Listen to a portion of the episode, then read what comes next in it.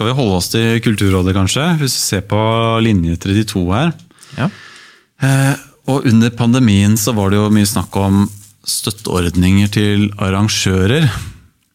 ja, den er fin. Ja. Eh, altså jeg har jo fått litt kritikk for å henge ut enkeltkunstnere. Ja. Mens de store arrangørene er jo de som får mye penger. Og det Yes. er et poeng. Og eh, under pandemien så var det jo satt opp støtteordninger som skulle kompensere de som arrangerte konserter, for det at det var jo eh, restriksjoner på antall, antall billetter. Eh, og da jeg hørte om det her, da tenkte jeg med en gang her håper jeg noen journalister som markerer kalenderen sin når pandemien er over og neste årsregnskap er gått, for å prøve å sette eh, Her må det bli mange morsomme eksempler. Og det var det jo noen journalister i VG som gjorde. Eh, som fant en helt fantastisk eh, liste med saker her i juni. Fant blant annet et firma som aldri før hadde arrangert konserter, booka Oslo Spektrum. Såpass, ja. Det er ganske ballsy, Ja, det, egentlig. det skal du ha for. Vanligvis er Hvilket, jo hva det heter firmaet? Skal sjekke. Og fortsett, du skal jeg ta eh, det, det, det burde jeg ha hatt klart det. Eh, Sett og lese gratis. Ah, må logge meg inn. nei, Jeg hadde jeg ikke det abonnementet der heller, gitt. Abid Raja brukte store ord da han i september 2021 beskrev krisestøtten for kultursektoren. Kolon. Så får jeg ikke se mer av saken. Saken nevner jo da um, firmaet PS Event. PS Event. PS Event. Og de hadde jo da konserter i Oslo Spektrum med bl.a. Tone Damli og Tjave.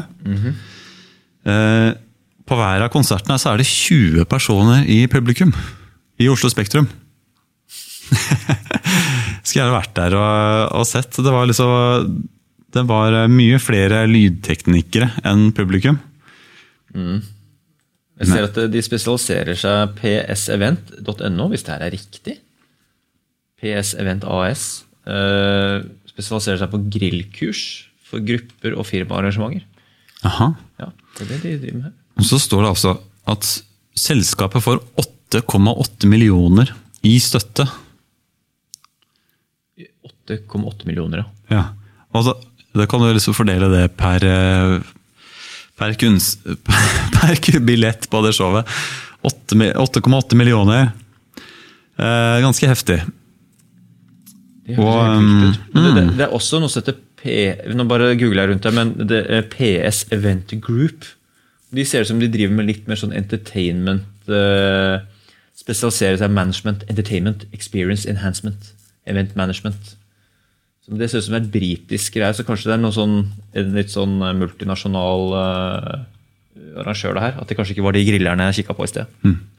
Uansett, du sa. Så fant jeg også en, veldig annen, en, en annen veldig morsom sak med en, eh, en DJ nede i Tønsberg.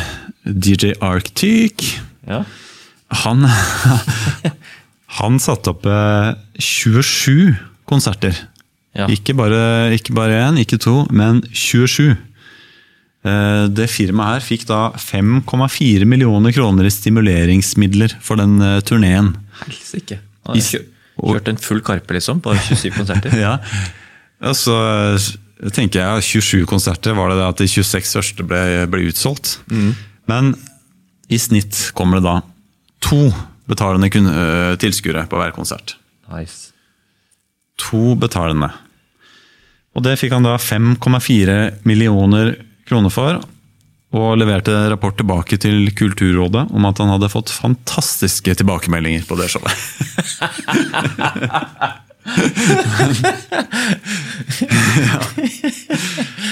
Så ja, så det var en del sånne morsomme, morsomme saker. Det var jo noen, noen artister som var, var hyggelige og på en måte ga, ga sånne støttepenger tilbake også. Men eh, også noen som var, var litt lure her og gira systemet litt.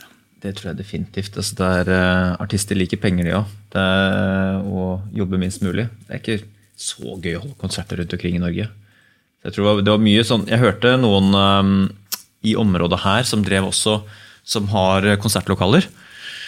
Så ble jeg kontakta av sånn diverse sånn manager og arrangører. og bare sånn kan vi bare få opp noen konserter hos dere i løpet av neste månedene? For da var det liksom ganske, da var det lockdown, og på at det litt så tyda på at det kom til å bli åpna opp. Så sa han sånn ja, men det kommer jo ikke til å bli noen konserter her. liksom. Nei, nei men det spiller ingen rolle, vi bare hypp på å booke og få inn få booka inn en konsert. Og så hvis det blir avlyst, så får vi støtte på det. Og De, bare, sånn, de snakka om det på den måten der. Altså Det er så drøyt var det over det ganske land, liksom, hvordan folk misbrukte de her støtteordningene. og Det er sånn, det er helt gitt i alle bransjer når du setter opp sånne rause støtteordninger med vage kriterier og smutthull på, kort, på veldig kort varsel eller kort sikt. Så blir det masse, masse folk som kommer og utnytter systemet. Det er jo helt uunngåelig. Og det var jo noen festivaler som fikk penger ut fra et vanlig budsjett.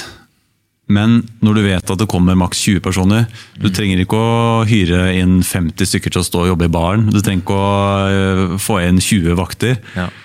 Så hvis du, får, hvis du, da får, inn inntekter på topplinjen, topplinjen av det som er vanlig, og du kan jo kutte kostnadene til beinet Du trenger jo ikke å markedsføre det greiene her, mm. for du vet at du, du, du trenger jo ikke selge noen billetter.